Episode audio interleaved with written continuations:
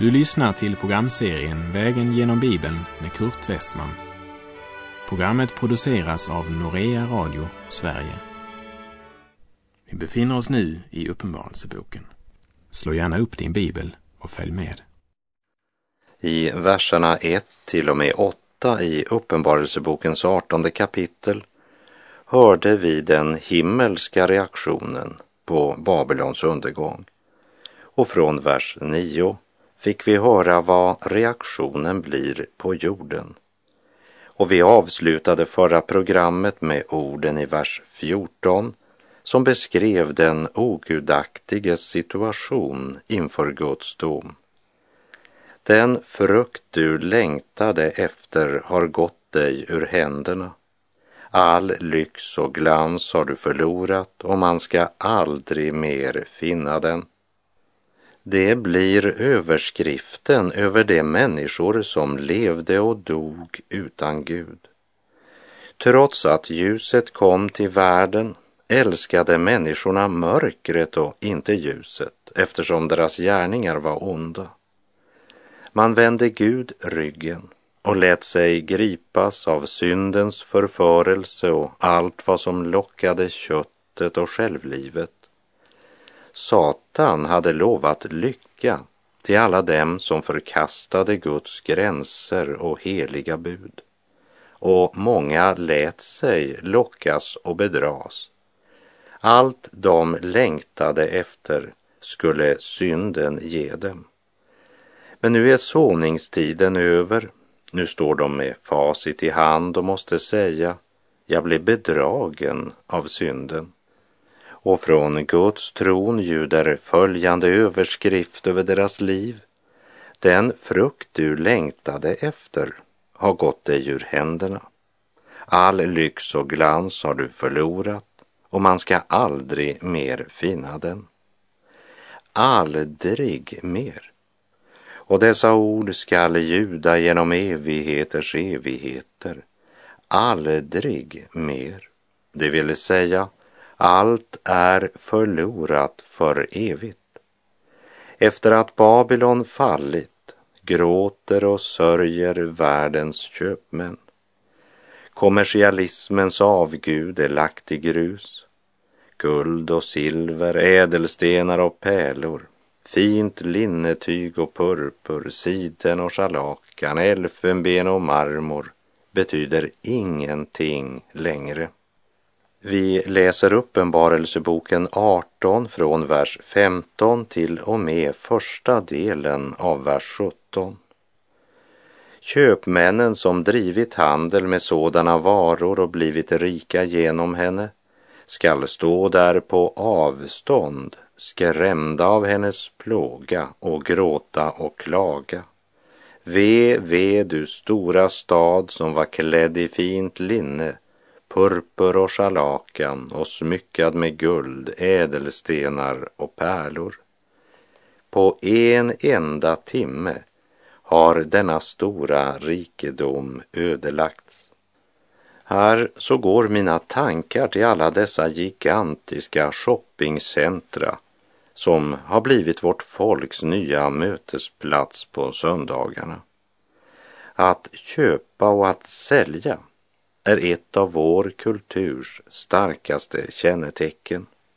Och när Jesus talar om vår tidsålders avslutning säger han att just det ska vara det som kännetecknar den tiden. Precis som det var kommersialismen som kännetecknade Noa tid innan syndafloden och Lots tid innan Sodom ödelades. I Lukas 17 13, vers 28 till 30 står det. På samma sätt var det på Lots tid. De åt och drack, köpte och sålde, planterade och byggde. Men den dag då Lot gick ut från Sodom lät Gud eld och svavel regna från himlen och gjorde slut på dem alla. På samma sätt ska det vara den dag då Människosonen uppenbarar sig. Nu kanske någon säger, har inte folk köpt och sålt i alla tider? Ja, visst har människan drivit handel i alla tider. Men ingen tid kan sammanliknas vid vår tid när det gäller köpenskap. Men köp och försäljning dominerar hela vårt samhälle idag på ett sådant sätt att det är själva grunden för vårt västerländska levnadssätt. Vi behöver bara öppna dörrarna i garderoben så finner du varor från alla världsdelar. Och det är den globala världshandeln som gör detta möjligt.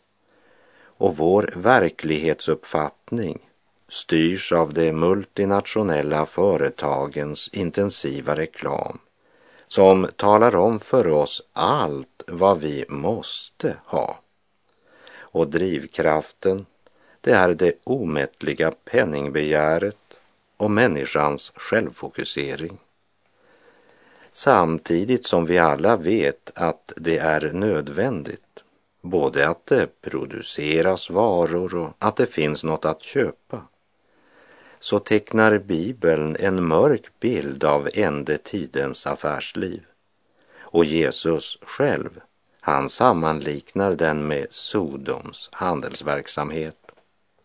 Sabbatsbudet det nonchaleras fullständigt idag. Vår tids tempel där människomassorna samlas, det är det stora köpcentra. Det har på många sätt blivit en mötesplats för människor och särskilt på söndagen. Vi formligen springer benen av oss för att skaffa oss allt mer av det som snart skall förgå. Och Paulus förmaning i Andra Korinterbrevet 4.18 där han säger Vi riktar inte blicken mot det synliga utan mot det osynliga. Ty det synliga är förgängligt men det osynliga är evigt. Det ropet ljuder inte längre över vår nation. Och vi ser hur det allt mer läggs till rätta för den situation då man måste bära vilddjurets märke för att få köpa eller sälja. Och vi ser hur rikedom och produktion samlas på allt färre händer. Och allt detta är ett ändetidstecken. Men på ett ögonblick kommer allt detta att läggas i grus. Älska inte världen, inte heller det som är i världen. Om någon älskar världen finns inte Faderns kärlek i honom. Ty allt som finns i världen, köttets begär och ögonens begär och högmod över livets goda, det kommer inte från Fadern, utan från världen. Och världen och dess begär förgår, men den som gör Guds vilja förblir i evighet, skriver Johannes i sitt första brev kapitel 2, verserna 15 till och med 17. Och så tillägger han i vers 26. Detta har jag skrivit till er med tanke på dem som försöker leda er vilse. Tar vi Jesu varning allvarligt? Tror vi Guds vittnesbörd? Och vilken konsekvens får dessa ord för oss i vår vardag? Det kan vara värt att meditera över lite grann.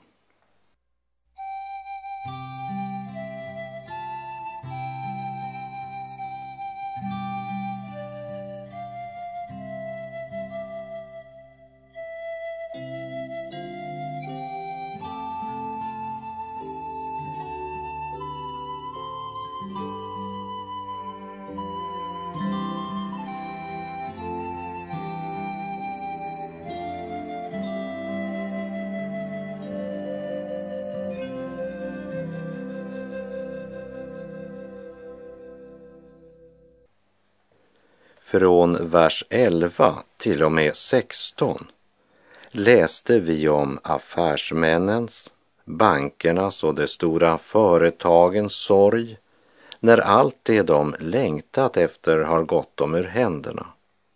All lyx och glans är nu förlorad och de ska aldrig mer finna den.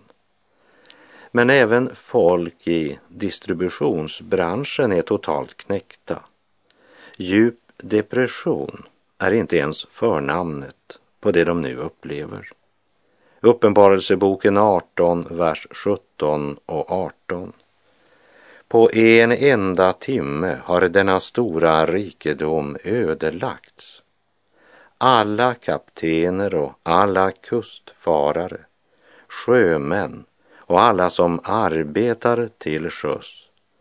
Alla stod de på avstånd och ropade när de såg röken från den eld som brände upp henne.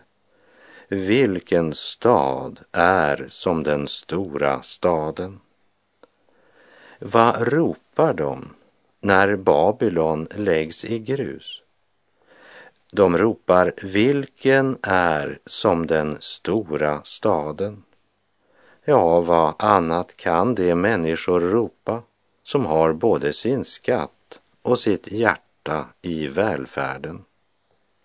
I Lukas 16, verserna 19 till och med 31, där Jesus berättar liknelser om Lazarus och den rike mannen, så säger Jesus att när den rike mannen dött och plågades i helvetet och då får se Lazarus vara tillsammans med Abraham så ropar han i förtvivlan, Lukas 16.24. Fader Abraham, förbarma dig över mig och skicka Lazarus att doppa fingerspetsen i vatten för att svalka min tunga, ty jag plågas i denna eld. Döden skiljer människan från det materiella, det jordiska. Och att dö utan Gud, det innebär inte att människan upphör att existera. Men det innebär att hon för evigt är utestängd från livet och gemenskapen hos Gud. Lägg märke till i Lukas 16 att den rike mannen ber inte om frälsning, utan allt han ber om, det är en droppe av det som han hade sin glädje i medan han levde. Han har ingen hunger eller törst efter rättfärdighet. Hans bön gäller bara kroppen, inte själen. Skicka Lazarus att doppa fingerspetsen i vatten för att svalka min tunga. Och i Uppenbarelsebokens artonde kapitel hör vi både köpmän och sjöfarare sucka inför Babylons undergång vilken stad är som den stora staden? När det synliga, som är förgängligt, i ett ögonblick förgår, är allt förlorat. För de har ingen skatt i himlen. Där finns ingen längtan längtan efter det himmelska Jerusalem. För deras ögon såg bara glansen i Babylons guld och prakt. Kommersialism, välfärd och njutning var deras liv. Men allt de sökte sin glädje i ligger nu i ruiner. Och när Johannes i vers 16 ropar ve, ve, du stora stad och sedan räknar upp alla lyxvaror som de hade sitt liv och sin glädje i, så är det inte med någon som helst skadeglädje över att världens barn har förlorat allt detta. Men han vet att all denna rikedom hade vunnits genom förtryck av fattiga, utnyttjande av nödställda, där några gjorde sig rika på andras bekostnad. Och nu har tiden kommit och de måste skörda vad de har sått. I liknelsen i Lukas 12 om den rike kornbonden så säger Jesus att den rike bonden överraskades då Gud plötsligt säger du dåre, i denna natt ska din själ utkrävas av dig och vem skall då få vad du har samlat ihop? Så går det för den som samlar skatter åt sig själv men inte är rik inför Gud. Den som har sitt hjärta i Babylon har också sin skatt där. Och när Babylon läggs i grus är allt hopp ute. Men då är det för sent att finna frälsning. Tänk när jordens guld och glans läggs i grus. När de stora höghusen står i brand och det ogudaktiga skriker i förtvivlan när hela deras tillvaro rasar samman. Och skriften vittnar om dessa att de strödde jord på huvudet och grät och klagade högljutt.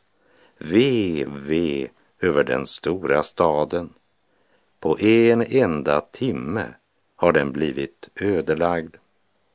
Men medan de som vände Gud ryggen och valde synden ser hela sin tillvaro läggas i grus och i ett ögonblick inser att de blivit bedragna av Satan och synden, så kommer Guds barn som blev tvungna att ge sina liv för sin tro och bekännelse, att få skörda den glädje och frid som är evig. Uppenbarelseboken 18, 20. Gläd dig över den, du himmel, och ni heliga, och ni apostlar och profeter. Ty Gud har dömt staden och skaffat er rätt.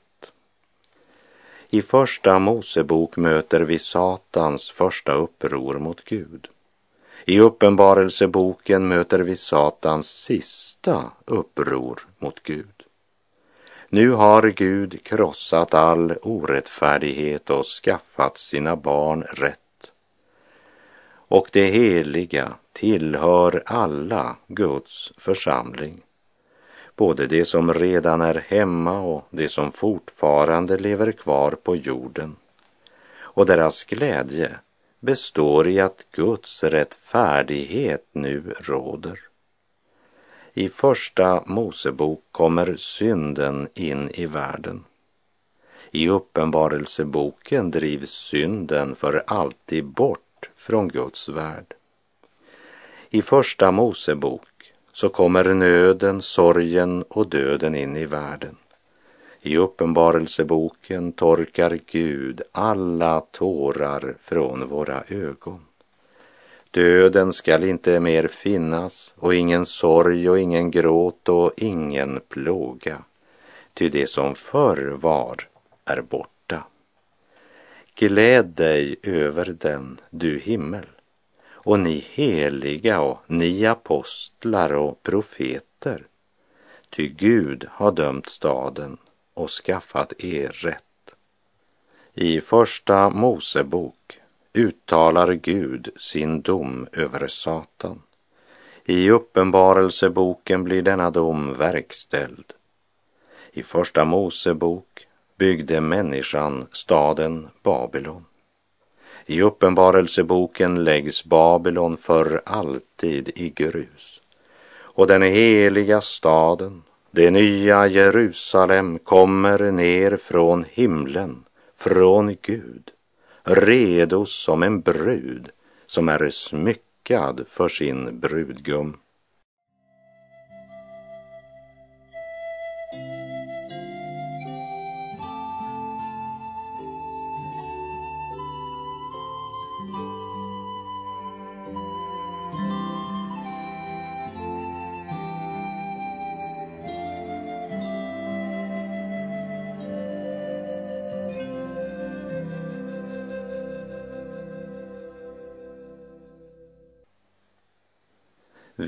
Läser Uppenbarelseboken 18, verserna 21 till och med 24.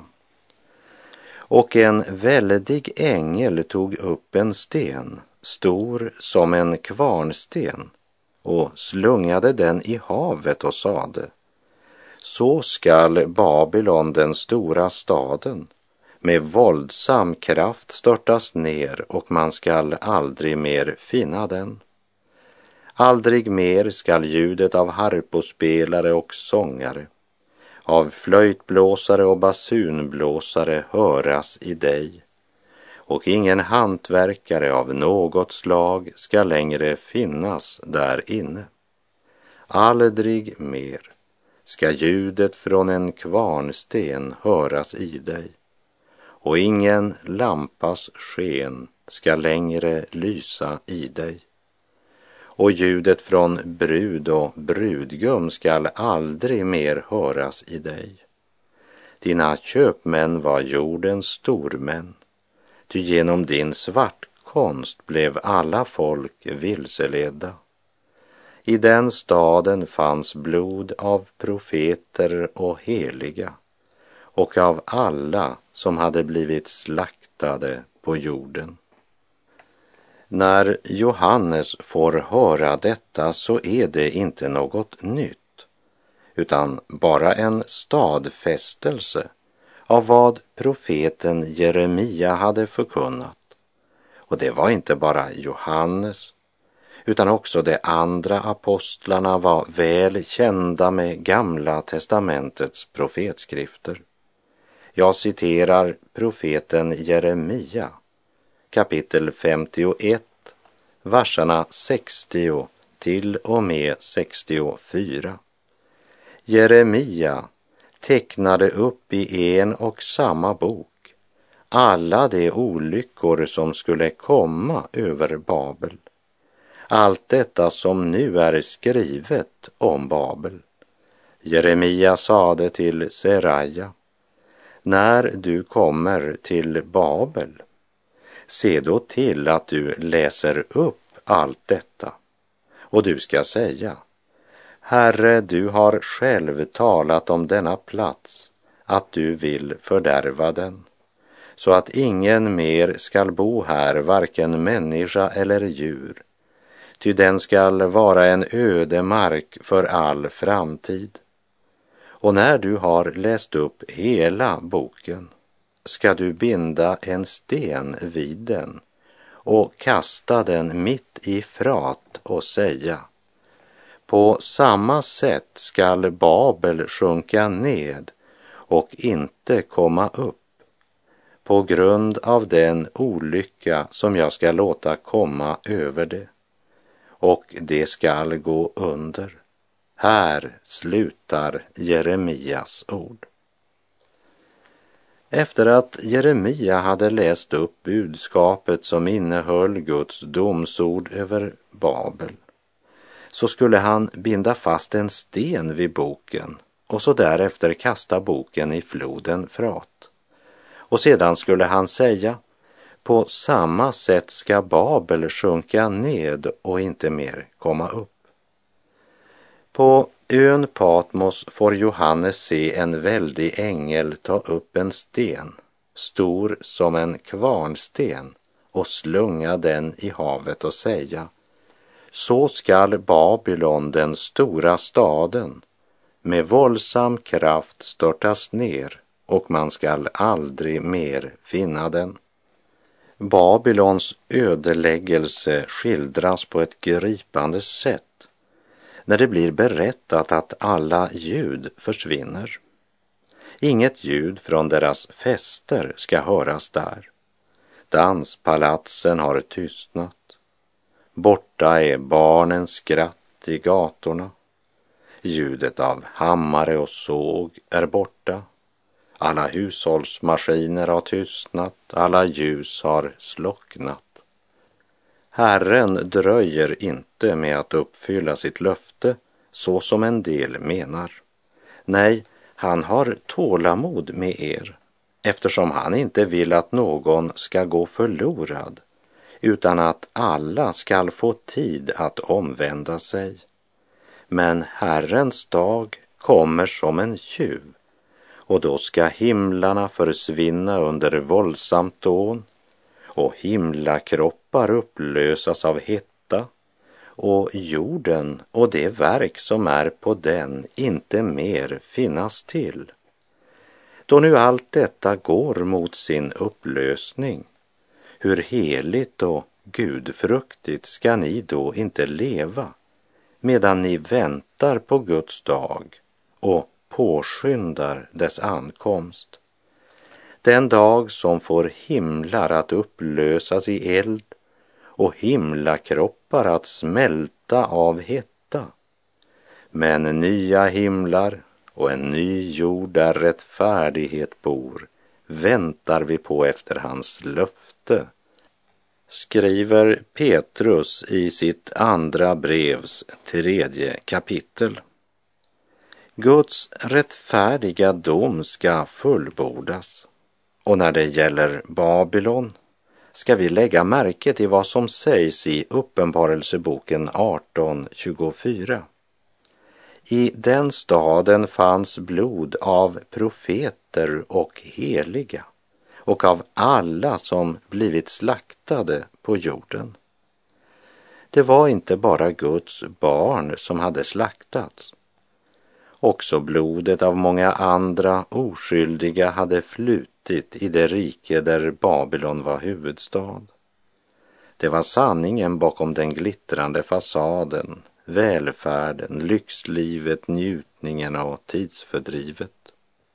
Orsaken till att Babylon drabbades av Guds rättfärdiga dom, det är den dubbla skuld som vilade över staden Staden som genom sitt omättliga lyxbegär och sin blodiga förföljelse av Guds folk. Och med dessa ord så avslutas skildringen av Babylon. Jag sa att i första Mosebok uttalade Gud sin dom över Satan. I Uppenbarelseboken blir denna dom verkställd. I första Mosebok kom synden in i världen i Uppenbarelseboken drivs synden för alltid bort från Guds värld när Guds rättfärdiga dom går över all synd och orättfärdighet. I Första Mosebok skapades jorden. I Uppenbarelseboken förintas jorden då himlarna ska försvinna under våldsamt dån och himlakroppar upplösas av hetta och jorden och det verk som är på den inte mer finnas till, som vi läste i Petrus andra brev. I första Mosebok kommer sorgen och döden in i världen. I Uppenbarelseboken så torkar Gud alla tårar från våra ögon. Döden ska inte mer vara och ingen sorg och ingen gråt och ingen plåga, ty det som förr var är borta. Nu är det Guds rättfärdighet som råder. Och med det så är vår tid ute för den här gången. I Johannes syn i kapitel 18 har vi sett domen över skökan, gudlöshetens och den falska kristenhetens rike. Så ska vi i nästa program höra Lammet och hans sanna brud äntligen förenas och vi ska höra hur Kristus slutligen krossar Antikrist. Vi möter där det tredubbla halleluja, när frälsningen och äran och makten tillhör vår Gud för evigt. Herren vare med dig. Må hans välsignelse vila över dig. Gud är god och hans rike består i evighet. Halleluja.